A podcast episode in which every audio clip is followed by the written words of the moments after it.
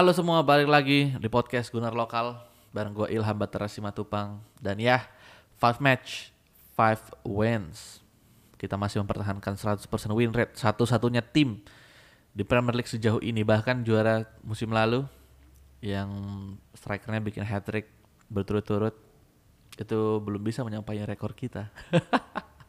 Nggak, nggak lah, nggak lah. Kita, gue nggak mau jumawa dulu lah, nggak mau jumawa dulu. Cuman emang ini satu hal yang patut kita banggakan juga ya. Uh, ini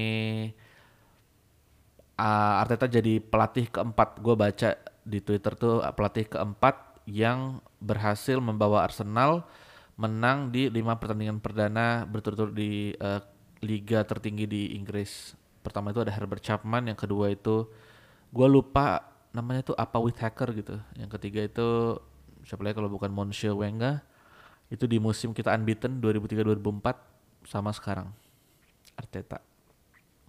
Lu ingat terakhir kali Arsenal bisa menang 5 game berturut-turut kita selesaiin liga jadi juara dan unbeaten ya semoga bisa keulang musim ini meskipun gue uh, gak seoptimis itu ya. Oke, okay, kita bahas pertandingan tadi malam lawan Aston Villa. I, kayak yang kalau lu nonton preview gue di TikTok, preview gue di Instagram, gue bilang kalau pertandingan lawan Aston Villa tidak akan sesulit ketika kita lawan Fulham. Ya, tidak akan sesulit ketika lawan Fulham. Tapi ternyata sama aja susahnya Pertama kalau gue bilang uh, Aston Villa mainnya nggak nggak ini ya nggak bertahan. Mereka main terbuka, mereka bikin serangan juga meskipun di babak pertama peluang dari Aston Villa nggak ada yang benar-benar gimana gitu ya. Tapi mereka nggak parkir bis. Kesalahannya ya Arsenal striker-striker penyerangnya Saka, Martinelli, uh, Gabriel Jesus juga emang finishingnya yang kurang. Di babak pertama ada satu peluang yang pasti kalian masih ingat ya. Crossingnya Granit Xhaka dari kiri. Padahal Bukayo Saka tinggal tap in tuh cuman karena mungkin dia pakai kaki kanan ya jadi kurang bisa kontrol bolanya. Uh, terus juga Martinez main bagus banget ya memang gitu ya kan gue pernah bilang juga setiap ada pemain ada tim yang di dalamnya tuh ada pemantan pemain Arsenal ketika lawan Arsenal kekuatan itu jadi lima kali lebih jago Padahal Martinez di match-match sebelumnya biasa aja cuy. Bahkan dia eh, nggak uh, pernah clean sheet, nggak pernah bikin save yang berarti. Lalu bertemu saja kebobolan dua gol. Jadi ya eh, kayak gue bilang tadi lah kalau Arsenal pasti mantan pemain Arsenal jadi jago banget tiba-tiba. Dan itu terjadi tadi malam ya. Kita uh, Martinez itu di babak pertama, babak pertama Arsenal bikin total 14 shot dan 6 on target itu 6 saves dari Martinez gokil nggak tuh dan ya uh, di babak pertama juga kita lihat gimana Kieran Tierney benar-benar kesusahan ya buat uh, nyetel dengan skema strateginya Arteta. Ya ini yang karena mungkin kita udah ngeliat gimana fluidnya gimana uh, Zinchenko dengan Shaka dengan Martinelli kerjasamanya tuh enak banget di dua match dua atau tiga match pertama. Terus tiba-tiba Zinchenko harus cedera dan menepi digantikan oleh Tierney dan kualitasnya itu ternyata jauh banget Tierney memang tipikal winger yang uh, apa ya tradisional winger ya yang emang dia selalu berada di bagian sisi kiri dari lapangan dan salah satu traitsnya dia itu kan emang crossing. Crossing Tierney sih gue bilang bagus banget. Cuman di pertandingan tadi malam entah kenapa corner apa corner uh, crossingnya hancur banget cuy. Jarang banget ada yang nemuin atau tepat sasaran.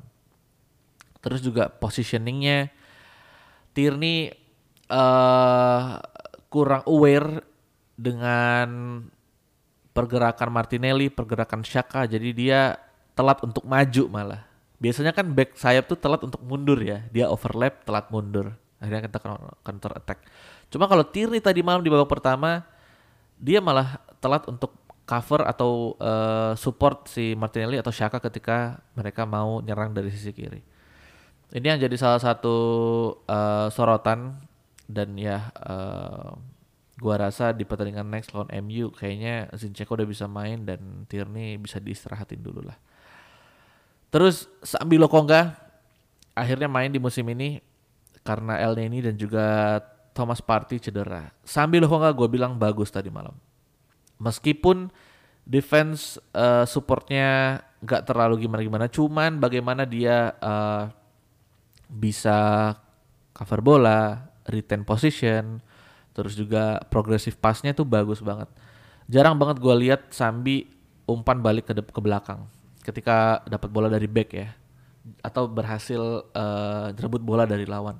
Pasti selalu progresif pas ke depan ke samping ke depan ke samping.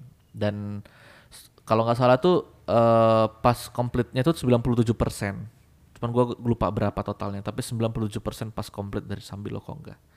Ini nunjukin kalau Sambi ini punya inilah ya, punya punya kans untuk jadi pengganti ketika Party cedera. Jadi kan kalau kalian lihat kemarin Party cedera yang gantiin El Neni. Maksudnya opsi pertama untuk ngegantiin Party itu El Neni. Cuman ngelihat performanya tadi malam, gua rasa di pertandingan-pertandingan selanjutnya opsi pertama ketika Party cedera lagi itu akan Sambi Lokonga. Dan tadi malam juga uh, Sambi nunjukin itu.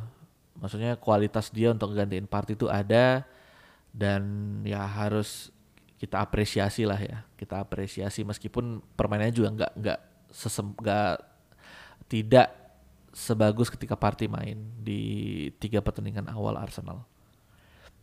Uh, terus juga ada yang bahas, gua baca di Twitter, gua baca di live chatnya video, banyak banget yang ngebahas dan juga mempertanyakan ada apa dengan Saka. Babak pertama Bukayo Saka banyak banget peluang, banyak banget uh, chance creation yang dia bikin, tapi lagi-lagi finishing terus juga end produknya tidak seperti Saka yang kita kenal. Ada yang bilang karena Saka udah terlalu nyaman jadi pilihan utama, apalagi dia jadi pemain terbaik Arsenal dua musim berturut-turut. Bayangkan umur lu masih 21 tahun tapi lu udah menang gelar pemain terbaik di tim lu 2 tahun berturut-turut. Bahkan di antara squad yang dulu ada Aubameyang, ada Lacazette, ada Odegaard ya. Tapi lu yang menang. Nah, itu kan mungkin bikin dia uh, sedikit jemawa. Kalau biasanya, biasanya kan pemain muda kayak gitu. Pas udah muda dia dapat penghargaan yang wow banget terus juga di Euro kemarin dia jadi sorotan juga ya banyak lah yang takut kayak gitu Saka kan seperti tapi menurut gue sih enggak ini memang kalau gue bilang nih yakin lah sama gue Saka tuh mainnya kayak gitu karena dia tidak di support sama yang bener-bener right back tidak support sama Tomiyasu lu lihat golnya Martinelli ketika bola di depan Tomiyasu tuh maju juga ke depan. Ya, dia bantu serangan dan hasilnya golnya Martinelli, asisnya Saka. Sebelumnya kan Saka dapat bola dari Tomiyasu. Jadi ada tambahan pemain di kotak penalti bagian kanan. Di sisi kanan lawan tuh ada tambahan pemain sehingga Bukayo Saka tuh nggak sendiri. Kan banyak yang protes tuh karena Saka uh, dribblenya jelek, dribblenya nggak bisa ngelewatin pemain lawan. Yang menurut gue gak semua hal harus dribble kan ya pasti lu butuh support dari temen lu dan ketika Ben White jadi right back itu nggak ada support itu nggak ada karena memang mungkin tugasnya Ben White sama Arteta ya lu fokus bertahan aja nah tapi Tomiyasu yang memang posisi posisi aslinya right back dia bisa ngasih opsi itu ngasih support itu ke Saka. Dan hasilnya jelas cuy. Langsung gol balasan Martinelli 2-1 dan menurut gua di situ gimana Saka bisa perform ya memang Saka harus disupport sama pemain lain. Yang yang menurut gue itu adalah si right back. Siapa pun itu mau itu Cedric mau itu Tomiyasu yang memang dia uh, pure seorang right back back kanan jadi kalau alasan yang karena Bukayo Saka nggak ada saingan terus juga dia udah terlalu nyaman jadi pilihan utama menurut gue sih eh mungkin ada ada faktor itu tapi nggak yang terlalu dominan. Menurut gua kenapa Saka mainnya jelek karena ya sepanjang 5 match ini partnernya Saka di bagian kanan tuh di di bagian kanan tuh Ben White bukan Tomiyasu. Lu lihat musim lalu. Ketika Bukayo Saka sama Tomiyasu, wah gimana bagusnya dia main. Karena dia benar-benar disupport sama Tomiyasu. Ketika dia nusuk, ada Tomiyasu di belakang. Jadi ya ketika ada pemain lawan yang cover dia, dia bisa ngasih bola ke Tomiyasu dulu, dia lari atau cari posisi yang lebih enak, Tomiyasu bisa umpan lagi atau kayak gimana lah. Jadi partnernya itu emang harus benar-benar right back yang tugasnya itu yang nggak cuma defense, tapi juga bisa bantu offense. Sementara Ben White posisi aslinya center back, tapi memang dia bisa jadi right back. Cuman right back yang kayak gimana gitu. Full back yang kayak gimana. Dia nggak sama tipe atau gaya mainnya kayak Tomiyasu, kayak Cedric nggak. Nah di situ menurut gua kenapa Bukayo Saka di lima pertandingan terakhir di lima pertandingan pertama ini ya tidak se apa ya tidak se wow ketika kita lihat di musim lalu. Ya karena simple ya karena partnernya bukan Tomiyasu gitu aja. Pemain lain Martinelli Gabriel Jesus as usual selalu ngasih teror. Apalagi Gabriel Jesus damn work rate-nya sih itu gua salut banget applause banget. Ini gua sih melihat Halan nyetak hat trick berturut-turut di City dan ketika gue nonton Gabriel Jesus ada di Arsenal, gue jadinya nggak terlalu nyesel gitu. Kita nggak bisa dapetin Halan atau ketika Halan ngasih tahu kalau Halan tuh nolak Arsenal, gue nggak terlalu sedih gimana karena udah ngeliat ternyata memang striker yang kita butuhkan tuh tipenya ya kayak si Gabriel Jesus. Gitu. Jadi pas tadi malam nonton Arsenal terus dapat notif kan Halan nyetak hat trick ya maksud gue wah gue amazed ya. Gokil nih striker dan mungkin memang Halan tuh cocoknya di City. Belum tentu ketika kita bisa dapetin Halan dia cocok dengan skemanya Arsenal. Dan ya kita dapatnya Gabriel Jesus ya yang pasti sejauh ini sih gue bilang gue uh, satisfy ya. Gue merasa uh, inilah uh, pas gitu kontribusinya Gabriel Jesus untuk Arsenal sejauh ini. Emang itu yang gue expect. Martinelli juga, Martinelli gue bilang improve terus, crossingnya makin bagus, positioningnya juga oke. Okay. Kalau lu cek tadi malam beberapa kali dribblenya berhasil ngelewatin pemain, cuman memang balik lagi end product. Gimana keputusan dia setelah uh, dia ngelewatin pemain lawan, apakah dia crossing, shooting, nah itu yang mungkin masih harus diperbaiki atau harus diimprove sama Martinelli. Untuk satu lagi pemain yang harus gue apresiasi adalah Granit Xhaka. Granit Xhaka main bagus banget tadi malam. Dan tugas dia kalau kalian enggak sekarang tuh bukan jadi destroyer lagi cuy. Tapi jadi pengalih lawan. Ya. Kalian pasti sering ngelihat Saka eh Xhaka tiba-tiba ada di depan. Xhaka tiba-tiba ada di kotak penalti. Nah, ini yang bikin uh, ini yang bikin pemain lawan tuh lengah. Ini yang gue bilang uh, apa namanya dia itu pengalih lawan. Pasti back-back lawan itu fokusnya kalau nggak ke Martinelli, ke Odegaard, ke Gabriel Jesus atau Saka karena emang empat pemain ini yang sering banget ngasih outcome untuk jadi gol, mau itu lewat assist atau lewat gol itu sendiri. Tapi ketika ada Shaka, ada tiba-tiba sendiri di depan, dia itu nggak dikawal karena ya back back gak akan expect bola itu akan sampai ke dia atau bola itu akan dikirim ke dia. Cuman tadi malam beberapa kali Shaka itu sendirian loh. Ya dua contoh deh, dua contoh. Yang pertama, ketika babak pertama tuh uh, yang peluangnya Bukayo Saka. Ya. Peluang Bukayo Saka dia nggak dijaga, dia bisa dengan mudahnya ngasih crossing datar. Cuman memang penyelesaian Saka yang kurang.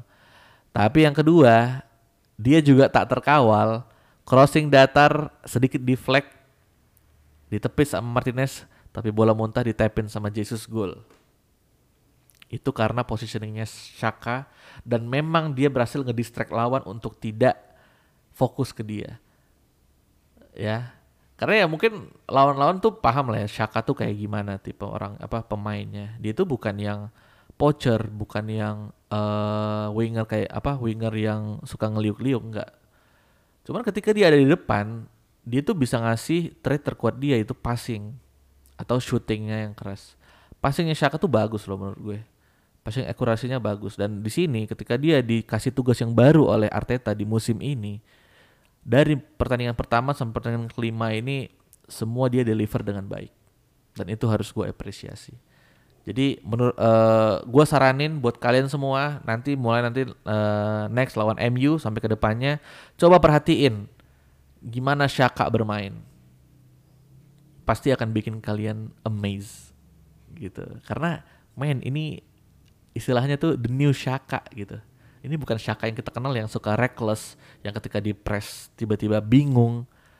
Terus juga yang sering bikin uh, keputusan aneh ya, dia tackle lah atau dia berantem lah.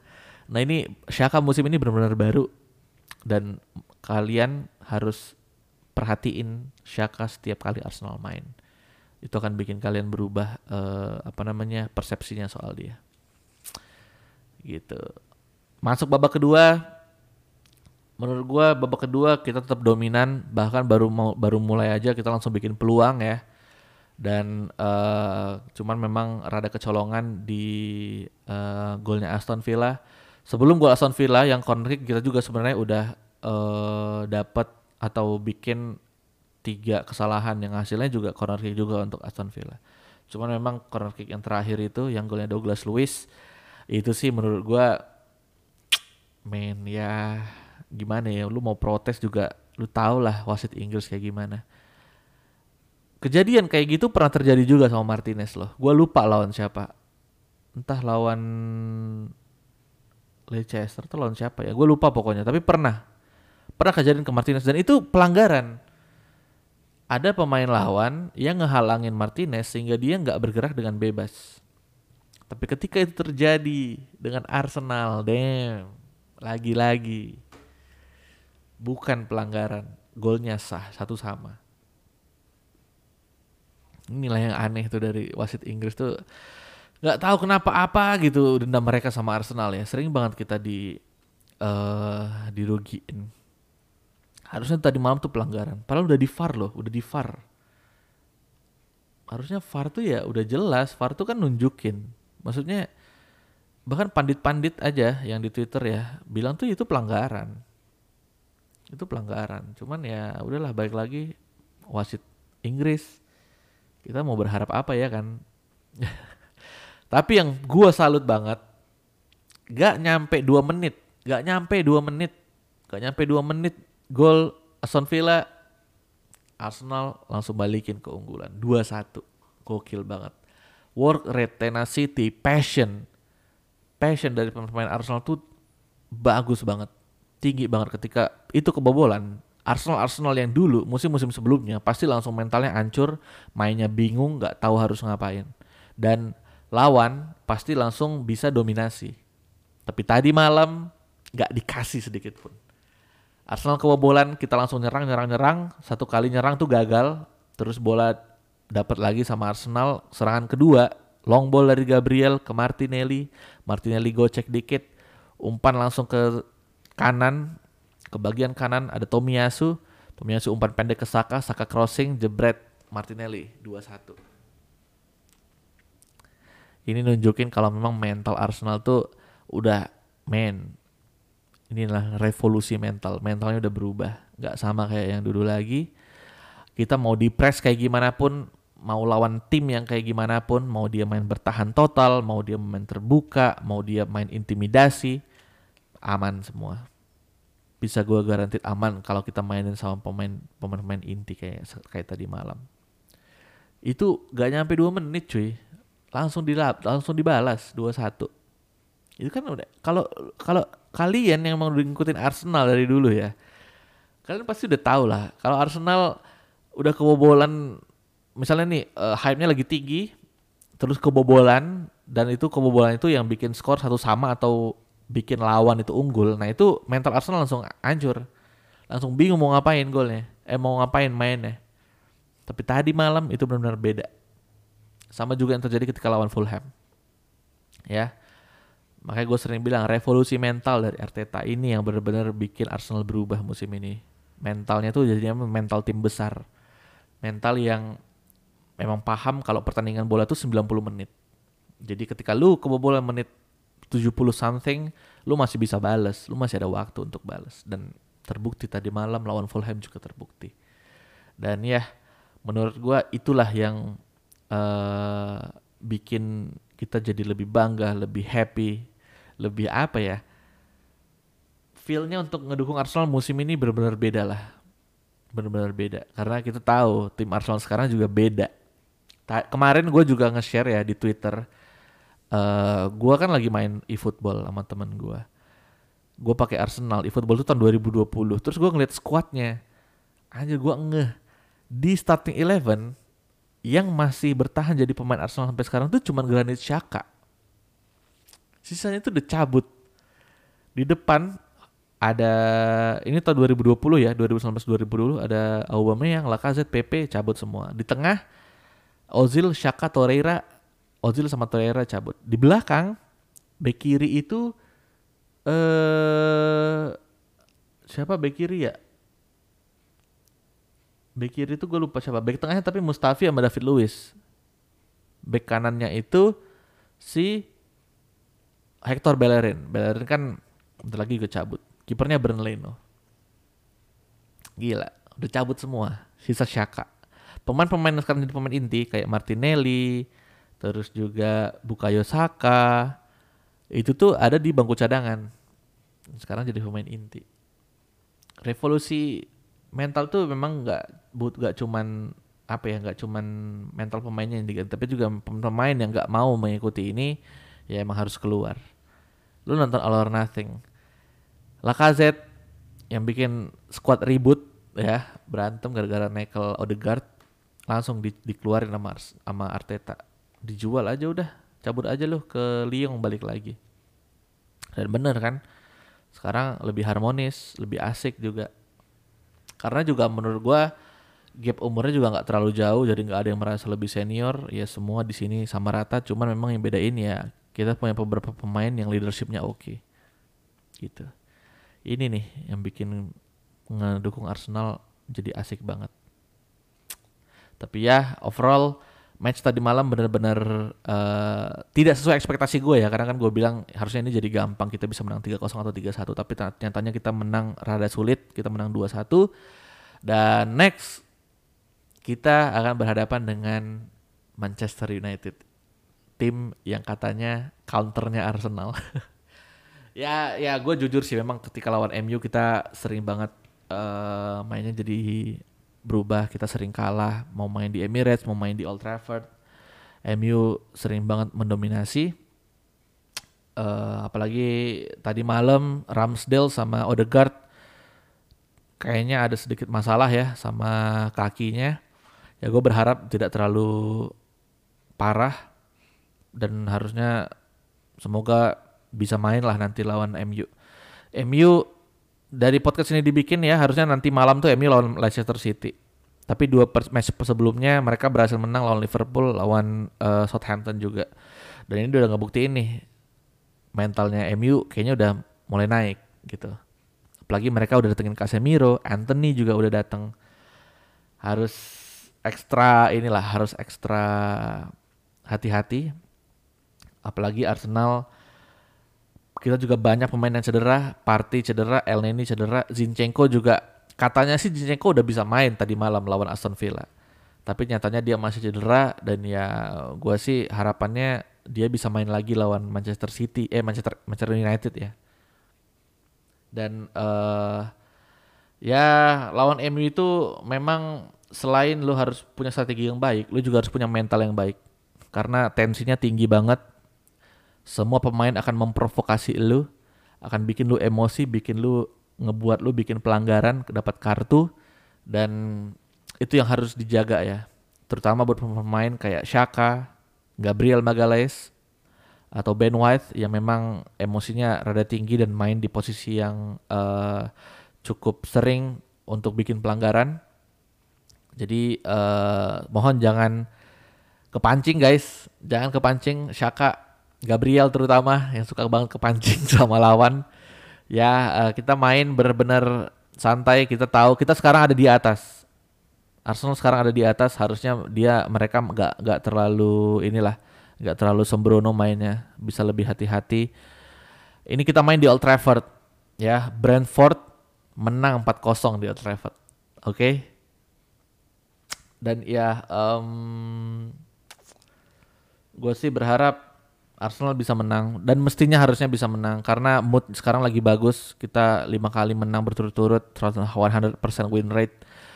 Cuman memang tinggal gimana nih strategi dari Arteta ngeraciknya kayak gimana kita tahu Erik Ten Hag kualitasnya tidak sama lah dengan pelatih-pelatih lima lawan kita sebelumnya dan ini adalah pertandingan kita pertama yang lawan tim Big Six oke okay?